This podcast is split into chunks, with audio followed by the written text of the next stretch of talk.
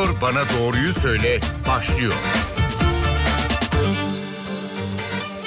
NTV Radyo stüdyolarına hoş geldiniz. Ben Öykü Özdoğan. Doktor Bana Doğruyu Söyle programında bugün çocukluk çağı kanserlerini konuşacağız. Malum 15 Şubat Dünya Çocuk Kanserleri Günü'ydü. Yani dün stüdyo konuğumuzda Medikal Park Bahçeli Evler Hastanesi Çocuk Hematoloji Onkoloji uzmanı ve aynı zamanda Bahçeşehir Üniversitesi Tıp Fakültesi öğretim üyesi Profesör Doktor Tunç Fışkın. Hoş geldiniz stüdyomuza. Hoş bulduk Öykü Hanım merhaba. Merhabalar. Dinleyicilerimizden de sorular alacağız. Telefon numaralarımızı hatırlatayım bu nedenle. 0212 300 335 47 20 335 47 20 oldu telefondan bize ulaşıp çocukluk çağı kanserleri, çocuk kanserleri ile ilgili sorularınızı stüdyo konuğumuz Profesör Doktor Tunç Fışkın'a iletebilirsiniz. Tekrar hoş geldiniz diyeceğim hocam. Ee, dünyada yılda 160 bin, Türkiye'de 3 bin çocuk kansere yakalanıyor diye bir e, istatistik doğru, okudum. Doğru yani rakamlar çok yakın. Yani Hı-hı. dünyada kabaca 200 bin yılda yeni olgunu çıktığını biliyoruz. Türkiye'deki verilerimizde 3 binin üstünde üstünde olduğunu gösteriyor. E, dolayısıyla oldukça büyük bir grup var karşımızda. Hı hı. Peki e, şöyle başlayalım mı? Dünyadaki ve Türkiye'deki tedavi yöntemleri nelerdir? Farklı mıdır? Yeni bir takım gelişmeler var mıdır? Türkiye'de yeni uygulanan bir takım tedavi yöntemleri var mıdır? Bence çok uygun bir başlangıç olur. Çünkü hı hı. E, her şeyden önce kanser tanısı alan hem çocuklarımız hem ailelerimiz için e, önemli bilgilerimiz var. Artık son yıllarda özellikle son 10 15 yıllık süreçte çocukluk çağı kanserlerinde tedavilerde oldukça iyi bir noktaya geldik. Ee, çocukluk çağı kanserlerinin kabaca tedavi oranları artık hani bütün hepsini içine alırsak %70'in üstüne çıktı. Bunu alt gruplara göre e, biraz sınıflayacak ve onlara göre oranlar verecek olursak mesela e, lenfoma dediğimiz lenf bezi kanserlerinin Hodgkin lenfoma dediğimiz alt grubunda yine böbrekleri tutan Wilms tümöründe bu oranlar %90'ların üstüne çıktı. Hı hı çocukluk çağı kanserleri içinde en sık görülenlerin lösemi olduğunu yani kan kanseri olduğunu biliyoruz. Yaklaşık %30'luk grubu %30-35'lik grubu lösemiler kaplıyor. Lösemilerde de tedavi oranlarının %80 üstüne çıktığını artık biliyoruz. Ülkemiz içinde bu hı hı. E, rakamlar e, yurt dışındaki rakamlarla oldukça benzer. E, dolayısıyla elbette ki hiçbir zaman çocuklarımıza kanser tanısını yakıştıramıyoruz. Dilerim hiç kimse bu süreci yaşamaz. Ama bu süreci yaşayan ailelerimiz için de umut ışığı çok fazla. Tedavi oranları oldukça iyi. E, bütün ailelerden hekimlerine ve e, tedavi edildikleri merkezlere e, şiddetle uymalarını ve bu konudaki tedavilerini asla bırakmamalarını öneriyoruz. Harika bir mesajla başladık programa. Şimdi konu çocuk olunca hassasiyet artıyor ister istemez. Evet. Kaç yaşında en e, genç veya küçük diyeceğim görülme ihtimali var ya da doğuştan kanserli doğma ihtimali var mı var, çocuğun? Var yani ne yazık ki yani çocukluk çağı kanserleri yeni doğan döneminden itibaren 18 yaşına kadar her dönemde görülebiliyor. Mesela bizim daha bundan birkaç hafta önce yeni doğan döneminde e, bizim hastanemizde doğan batında kitle sebebiyle bize gönderilen bir hastaya iki günlükken nöroblastom dediğimiz batın oh. içinde bir kitleyle yeni tanı aldı ve tedaviye başladık. Dolayısıyla ne yazık ki e, artık e, tanı bütün yaşlarda çocukluk çağı kanserlerini görebiliyoruz. Elbette ki bunlar farklı tipler. Peki o bebeğin anne babasında kanser var Yok, mıymış? Hayır, hayır. Ya tabii kanser biraz e, çok faktörlü, multifaktöriyel dediğimiz bir Nedir gelişim. Yani kabaca esasında kanseri belki bir tanımlamak Lütfen. gerekebilir. Ya kanser bir hücrenin kontrolsüz ve amaçsız şekilde büyümeye başlaması ve ondan çoğalan hücrelerin de aynı özellikleri göstermesiyle karakterize karşımıza çıkan bir semptom. Bir e, bulgular topluluğu, bir hastalıklar topluluğu. Yani bu kemik iliğinden çıkarsa kan kanseri adını alıyor. Lenf bezinden çıkarsa lenfoma yani lenf bezi kanseri adını alıyor. Beyinden çıkarsa beyin kanseri ya da böbrekten çıkarsa Wilms, böbrek üstü bezinden çıkarsa nöroblastom gibi farklı isimler alıyor ama temel olan bir hücrenin kontrolden çıkarak amaçsız bir şekilde çoğalmaya başlaması, büyümeye başlaması ve ondan köken alan hücrelerin de aynı şekilde amaçsız bir şekilde çoğalması. Çünkü e, çocuklar biliyoruz ki büyüyen varlıklar ve sürekli bir hücre çoğalması zaten var çocuklarda. Ama bu işte bir kontrolsüz ve amaçsız olursa, bir amaca yönelik bir çoğalma olmazsa o zaman bu kanser dediğimiz tabloyu karşımıza çıkarıyor. Peki bu kontrolsüz ve amaçsız e, çoğalma, bozulma adı her neyse neden oluyor? Evet. Gene çok faktörlü.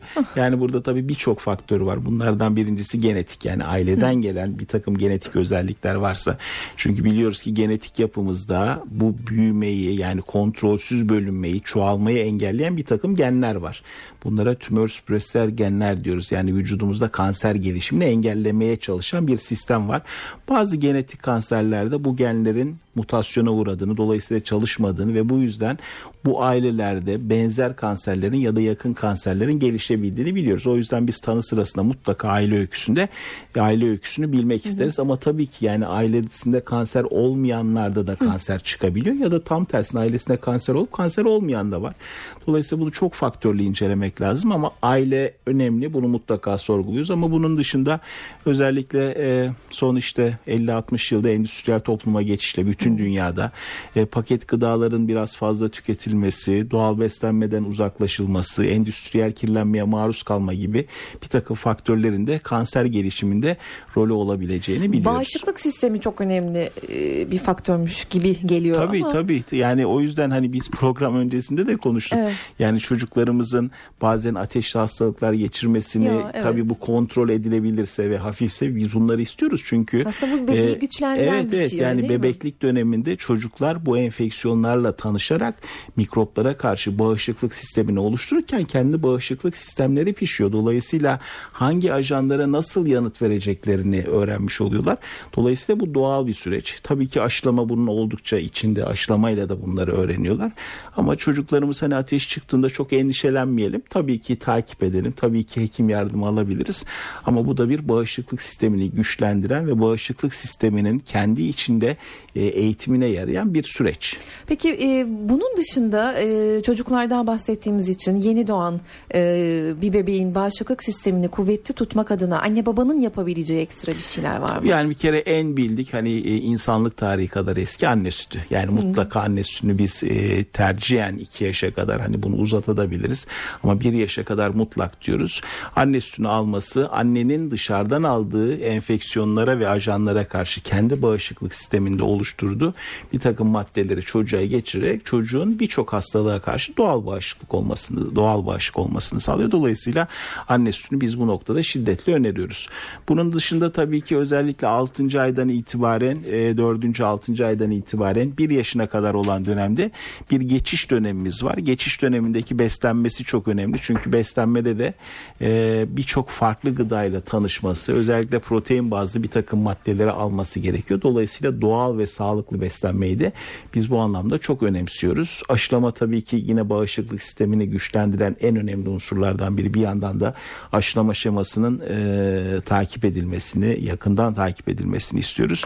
Ama sonuç olarak e, doğal beslenme, doğal gıdalar ve mutlaka e, bedensel aktiviteler, spor aktiviteleri en azından belli noktalarda çocuklarımızda kanser gelişmesine e, bariyer oluşturacaktır. Ee, peki çocuk olunca konu e, ister istemez hassaslaşıyor dedik ama çocuklara özellikle e, verilen sosyal desteğin de önemi çok fazla artıyor herhalde kanser hastası olması durumunda. Türkiye'de son yıllarda bu konuda çocuklara, ailelere destek ne durumda? Tabii ki yani burada da Türkiye son e, 20-25 yıllık süreçte oldukça e, aşama kat etti ve e, biliyoruz ki e, çocuklarımız bir yandan kanser tedavisi alırken bir taraftan devlet desteği devam ediyor. Çünkü bunlar Sosyal Güvenlik Kurumu ile bir takım harcamalarla birlikte devam eden süreçler.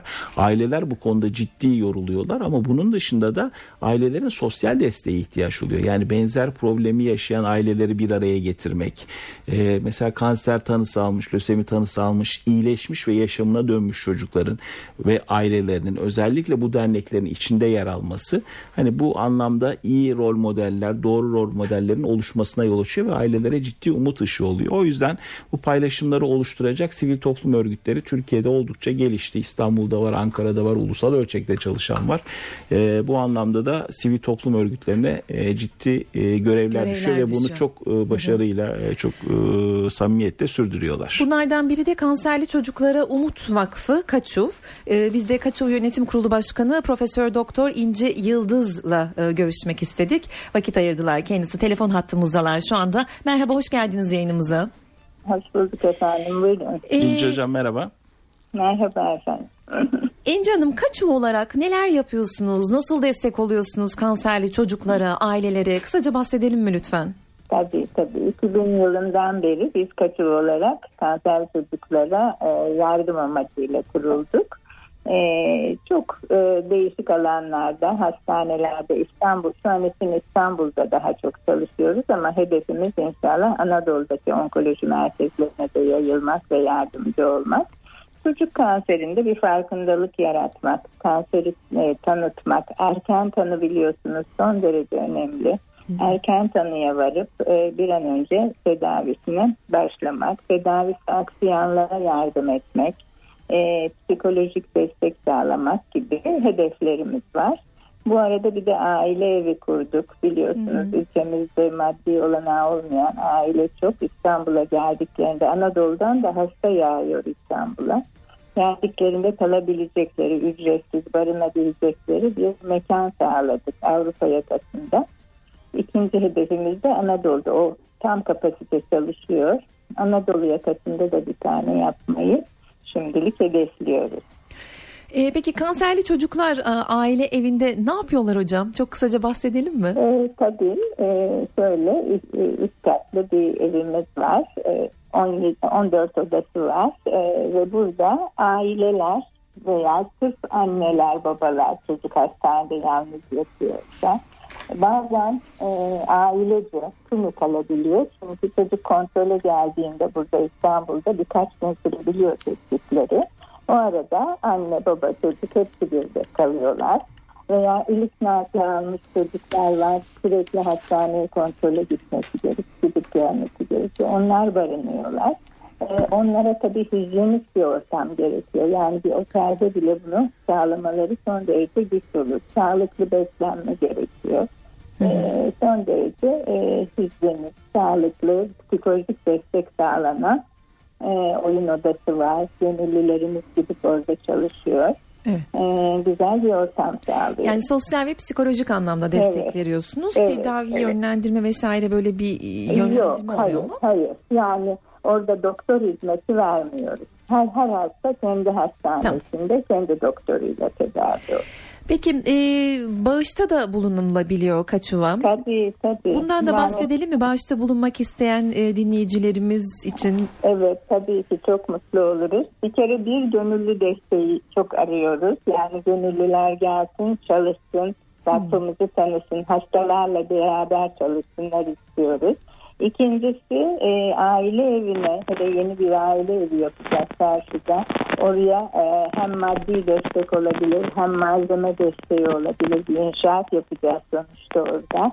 E, tefrişat desteği olabilir. Bu tür desteklerden çok yararlanabiliriz. Ee, ben 56-86'ya e, mesaj atabilirler destek için küçük bağışlar da birikterek büyüyor biliyorsunuz. 56-86'ya ee, SMS evet, gönderiyorlar öyle mi evet, hocam? Evet ayrıca kaçıl.org sitemize girip orada nasıl bağışlar yapabileceklerini görebilirler. Hı hı. Oradan da banka hesaplarına yardımcı olabilirler. Peki çok teşekkür ediyoruz yayınımıza katıldığınız için. Evet. Söylemek istediğiniz başka bir şey var mı hocam? Ee, yani bu hafta biliyorsunuz çocuk kanser haftası açıkçası. Onun için de e, her tarafta duyurmaya çalışıyoruz. En azından bunları önleyebilelim, e, koruyucu önlemler alalım diye ilanlar veriyoruz. E, bize destek olan Galatasaray, Konya basketbol takımları sahaya çıkarken kaçuğu ve sarı kurdelemizi gösterdiler devam ediyorlar böyle tanıtımlara. Onlara da teşekkür ediyoruz. Aslında biz de sarı kurdelerimizi taktık evet. ama radyoda bunu göstermek mümkün olmuyor. Çok teşekkürler yayınımıza ben katıldığınız için. Katkınız için teşekkürler, sevgiler. Kanserli Çocuklara Umut Vakfı Kaçu Yönetim Kurulu Başkanı Profesör Doktor İnci Yıldız telefon hattımızdaydı. Sanıyorum Tunç Bey'in eklemek istediği bir şey var. Evet, evet bizim yani bu anlamda Türkiye'de birçok çalışma yapılıyor. Benim de daha önce çalıştığım merkezde Samsun ilinde çalışmıştım. Samsun'da da benzer bir derneğimiz var. LÖSAM adında Lösemil ve Kan Hastalıklı Çocuklar Derneği diye. Biz de orada bununla ilgili bir çalışma yapmıştık. Atakum Rotary Kulüp, Atakum Belediyesi ve LÖSAM 3 sivil örgüt bir araya geldi ve Samsun'a nakil için gelen hastalara e, 6 katlı 12 e, toplam daire olacak şekilde her biri 55 metrekarelik e, çok güzel alan yaratıldı. Dolayısıyla aynı anda 11-12 aile bu evlerde kalabiliyor. Yine amaç burada biraz önce İnce hocamın da söylediği gibi e, tedavi sırasında, nakil sırasında ailelere temiz, hijyenik bir oda, bir salon, içi dayalı döşeli bir alan vermekti. Çok da güzel çalıştı. Aileler de bundan çok mutlu oldular. Yani hem İstanbul'da hem Türkiye'de farklı yerlerde bu anlamda çok ciddi çalışmalar iyi yapılıyor ve ciddi yol alındı ama tabii İnce hocamın da dediği gibi her tarafta gönüllülere ihtiyaç var. Hı hı, çok e, bu anlamda gönüllülerin herkesin bu anlamda yapabileceği birçok şey var. Yani bu maddi olarak söylemiyorum bunu. Yani gelip orada çalışmak, çocuklarla vakit geçirmek, çocuklara tabii. gitar kursu vermek, kağıt e, katlama, hmm. e, origami kursu vermek ya da seramik kursu vermek gibi o kadar çok e, gönüllüye ihtiyacımız var ki bu anlamda e, Nereye başvurabilir çok... gönüllüler? Tabii yani bulundukları gerekirse. bölgelerde biraz önce hocamın söylediği hı hı. gibi e, derneğe Kaçuva başvurabilirler, dışında. Kaçuva başvurabilirler. Yine bu anlamda e, LÖSEV ciddi hizmetler yapıyor. Türkiye'de hem ulusal Doğru. ölçekte çalışıyor. Bölgesel işte Samsun'da LÖSEV var, başka yerde başka dernekler var. Yani internete girip e, bu konuda ciddi e, destekler sağlanabilir. Herkesin yapabileceği bir şey vardır diye düşünüyorum. Mutlaka hepimizin bir katkısı olabilir aslında. E, reklam arası vereceğiz ama öncesinde e, şu soruyu da sormak istiyorum. Sanki son zamanlarda rakamlarda çocuklarda kanser e, görünme rakamlarında bir artış söz konusu mu yoksa tanı yöntemlerinde veya herhangi başka bir şeyde bir gelişme var ve artık doğru zamanda bir tanı konulabiliyor mu? Evet, herhalde her ikisi de bunun içinde var. Yani bir yandan nüfusumuz ciddi olarak artıyor. Hem dünyada hem Türkiye'de. Bu anlamda vaka sayısı, olgu sayısı artıyor. Ama biraz önce söylediğimiz endüstriyel e, kirliliğe maruz kalma, e, doğal beslenmeden uzaklaşma gibi bir takım faktörlerle de evet biraz e, kanser sayılarında artış var ama önemli olan bunların hızlıca tanınması hem aileler tarafından hem de hekimler tarafından hızlıca fark edilmesi ve hızlıca tedavi süreçlerine girilmesi bu anlamda da çok ciddi gelişmeler olduğunu biliyoruz. Peki aranın ardından e, dinleyicilerimizin sorularını alacağız. Telefonları almaya başlayacağız. E, ben telefon numaramızı hatırlatacağım ama öncesinde de hangi kanser türlerinden özellikle bahsedeceğimizi söyler söylersek belki. Tabii çocukluk çağında en sık görülen kanserler lösemiler, kan kanserleri yaklaşık %30'luk e, dilimi kapsıyor. Bunun dışında beyin tümörleri, e, azalan sıklıklarla lenf bezi kanserleri, böbrek üstü bezi kanserleri, böbrek kanserleri, yumuşak doku kanserleri, kemik kanserleri Bunların her birini çocukluk çağında görüyoruz ama en büyük grup lösemiler, lenfomalar ve beyin tümörleri yani kan kanserleri, lenf bezi kanserleri ve beyin tümörleri e, buradaki sayı biraz daha fazla. Telefon numaralarımızı hatırlatalım. 0212 335 47 20 335 47 20 nolu telefondan bize ulaşıp çocukluk çağındaki kanserlerle ilgili sorularınızı stüdyo konuğumuza e, iletebiliriz. Hatırlatalım Medikal Park Bahçeli Evler Hastanesi Çocuk Hematoloji Onkoloji uzmanı ve Bahçeşehir Üniversitesi Tıp Fakültesi öğretim üyesi Profesör Doktor Tunç Fışkın stüdyo konuğumuz aranın ardından devam edeceğiz.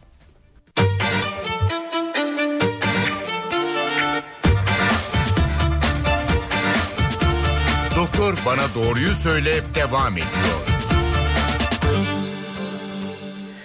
Çocukluk çağ kanserleri bugünkü konumuz Doktor Bana Doğruyu Söyle programında stüdyo konuğumuz Profesör Doktor Tunç Fışkın. Telefon numaralarımız 0212 335 47 20 335 47 20 ne oldu? Telefondan bize ulaşıp çocukluk çağ kanserleri ile ilgili sorularınızı sorabilirsiniz. Ee, hocam şöyle devam edelim mi? Çocukluk çağ kanserleri çocuklarda bunun semptomları nedir, belirtileri nedir, nasıl anlaşılıyor? Daha doğrusu ailelerin çocukların hangi şikayetlerine dikkat etmeleri gerekiyor aslında. Doğru yani bunda bence konuşmakta büyük fayda var. Çünkü e, bu konuda ailelerin özellikle farkındalığını arttırmak için hazırlanmış küçük kılavuzlar var. E, mesela bir çocuk enfeksiyon geçiriyor ve ateşi var. Tabi burada endişelenmiyoruz ama enfeksiyon ısrarla devam ediyorsa ve tekrarlayan enfeksiyon varsa yani bir çocuk bir dönemde arka arkaya 3-4 kez bir üst solunum yolu enfeksiyonu arkasından idrar yolu enfeksiyonu arkasından cilt enfeksiyonu gibi hmm. tekrarlayan enfeksiyonları varsa ve bununla birlikte çocukta yorgunluk, bitkinlik, halsizlik, kanın düştüğüne dair bulgular varsa ve yine bununla birlikte vücutta kırmızı noktalar, diş eti kanamaları, burun kanamaları gibi bulgular birlikte eşlik ediyorsa o zaman bu çocuklarda biz hani lösemi kan kanseri açısından endişemiz oluyor. Ama bir şey soracağım. Bu bahsettiklerinizin hepsi her çocukta her zaman olabilecek şeyler. Ama bunların birlikte olması ve ısrar Hepsi etmesinden birlikte. Hı. bahsediyoruz. Yani bunların birlikte kombinasyonu. Yani bir yandan tekrarlayan enfeksiyon var, bir yandan çocuk yorgun, bitkin, halsiz, okul başarısı düştü ve bununla ilgili başka semptomları da varsa o zaman düşünüyoruz. Yine aynı şekilde çocuklar biliyoruz büyürken mutlaka büyüme ağrıları dediğimiz kaslarında, eklemlerinde özellikle bacaklarında ağrıları hissediyoruz. Bunu hem adolesan döneminde çocuklar çok iyi ifade ediyorlar hem de oyun çağından okul çağına geçerken ifade ediyorlar. Bunlar bizi çok endişelendirmiyor.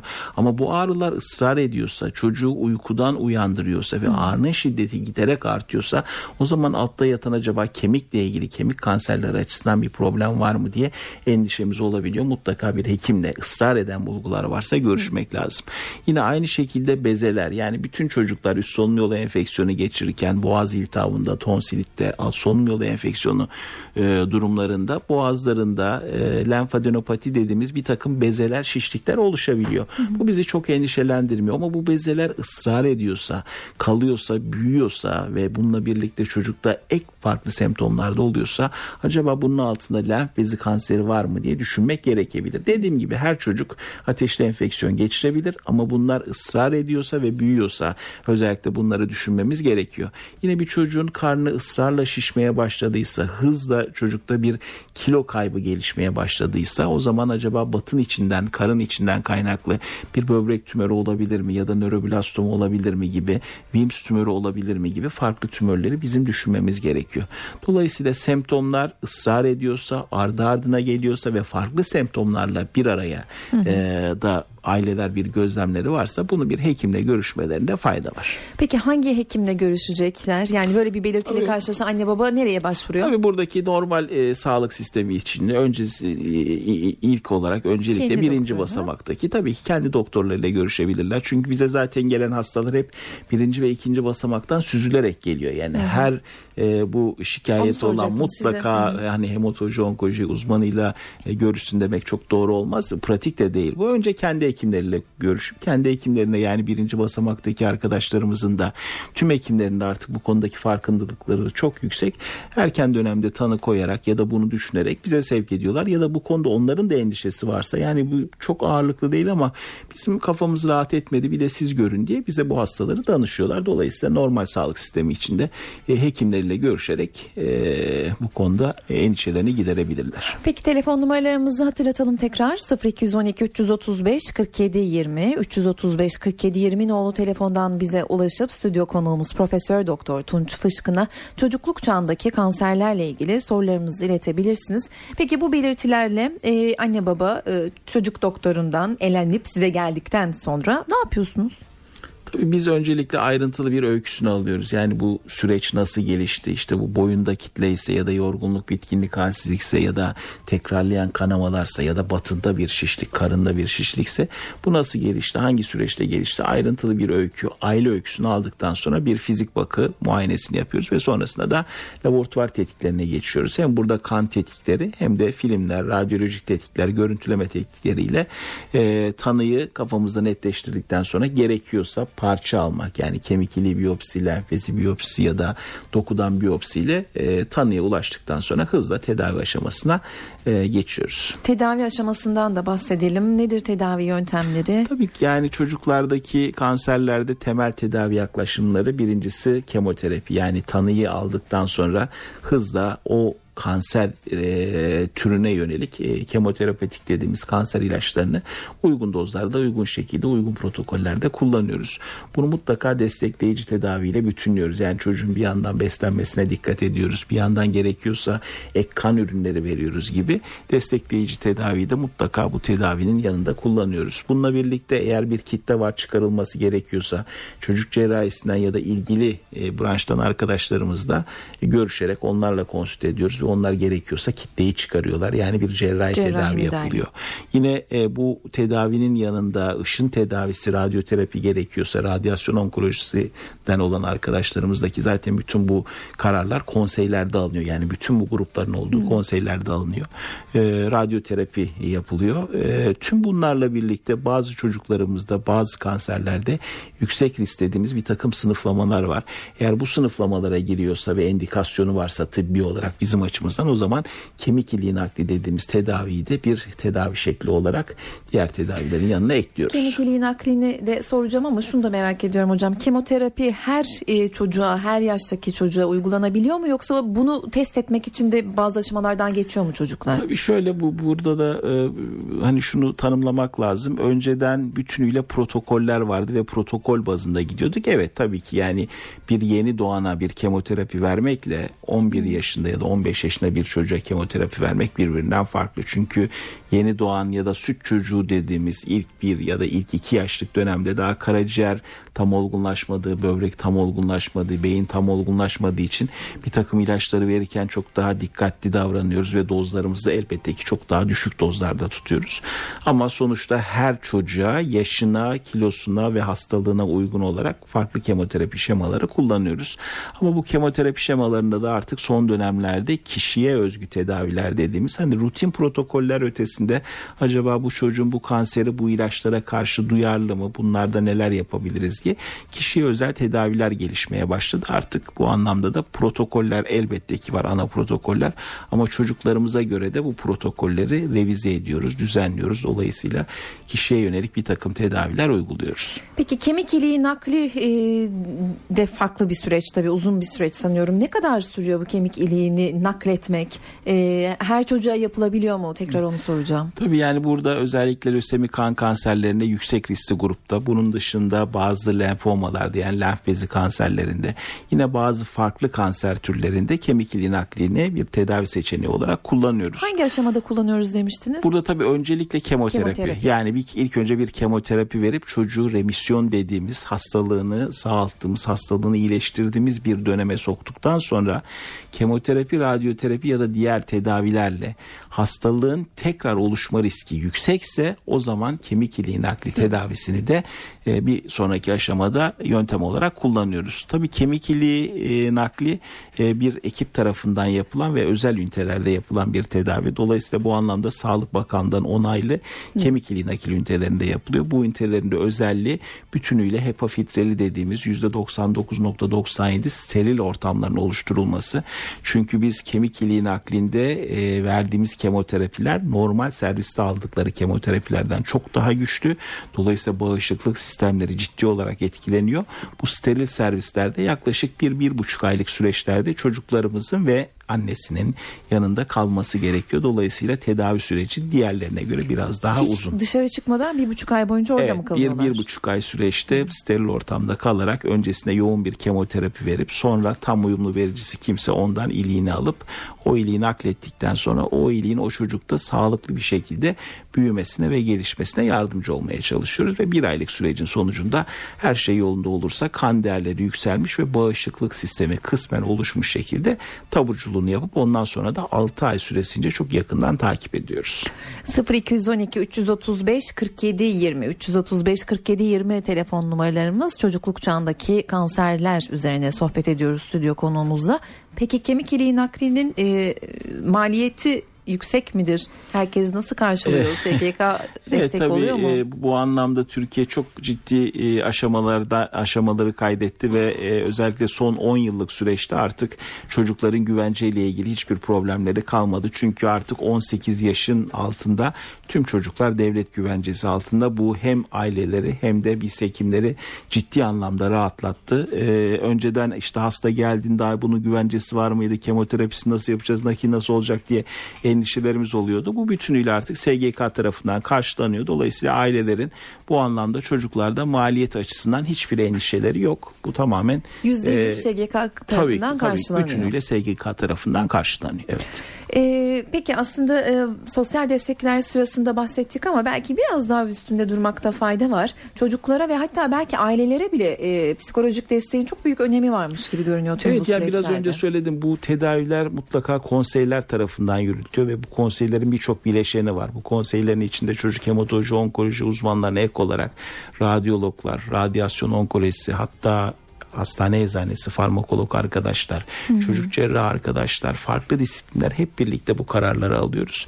Ve bunun bir bileşeni de hem çocuk psikiyatrisi hem de e, psikiyatristler ve psikologlar. Dolayısıyla bu anlamda hem çocukların tedavi süresince özellikle adolesanlarda bu anlamda e, ciddi zorluklar çekiyoruz. Çünkü e, çocuklar özellikle genç yetişkinler bu anlamda tedavi konusunda bazen e, tedavilerini sorgulayıp tedavilerini reddedebilecek noktaya gelebiliyorlar.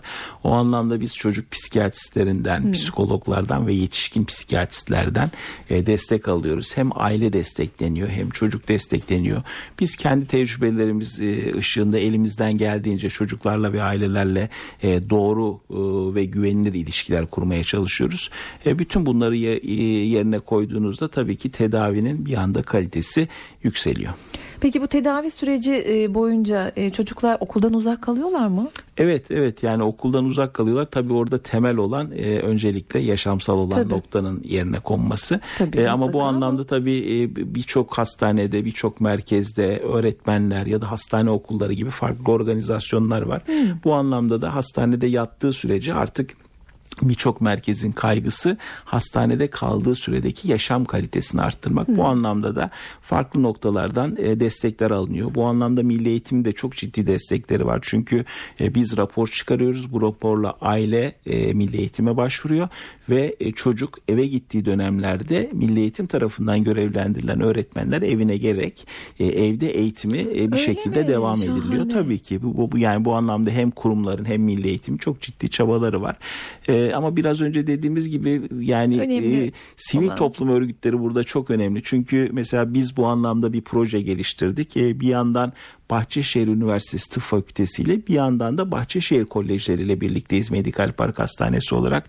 E, geçen hafta bize Bahçeşehir Koleji'nden robotik kulüp geldi ve e, robotik kulüpteki öğrenciler ve oradaki e, Erkan öğretmenimiz e, bizim lösemili çocuklarımıza robot nasıl kullanılır, nasıl monte edilir, uzaktan yazılımla nasıl yönetilir gibi Bahçeşehir Koleji'ne bağlandık ve uzaktan bu anlamda çocuklara bir egzersiz yaptık. Mesela onların çok ufuklarını açtı. Yine Bahçeşehir Üniversitesi'nden tıp fakültesinden birinci sınıftan gelen arkadaşlarımız var. Ezgi arkadaşımız, Gizem arkadaşımız. Bunlar gelip lösemili çocuklarla vakit geçiriyorlar. Hmm. Akşam yanlarında oluyorlar, kitap okuyorlar, birlikte oyun oynuyorlar.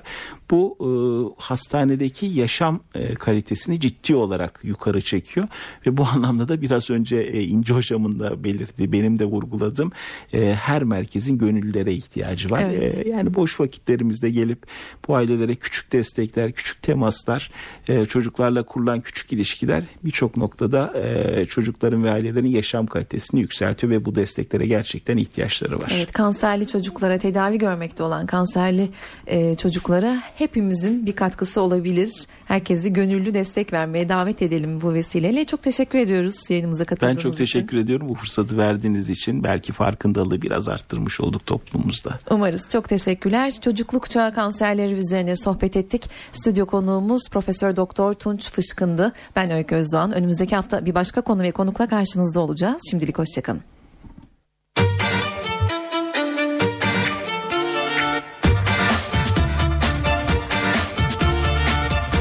Doktor bana doğruyu söyle.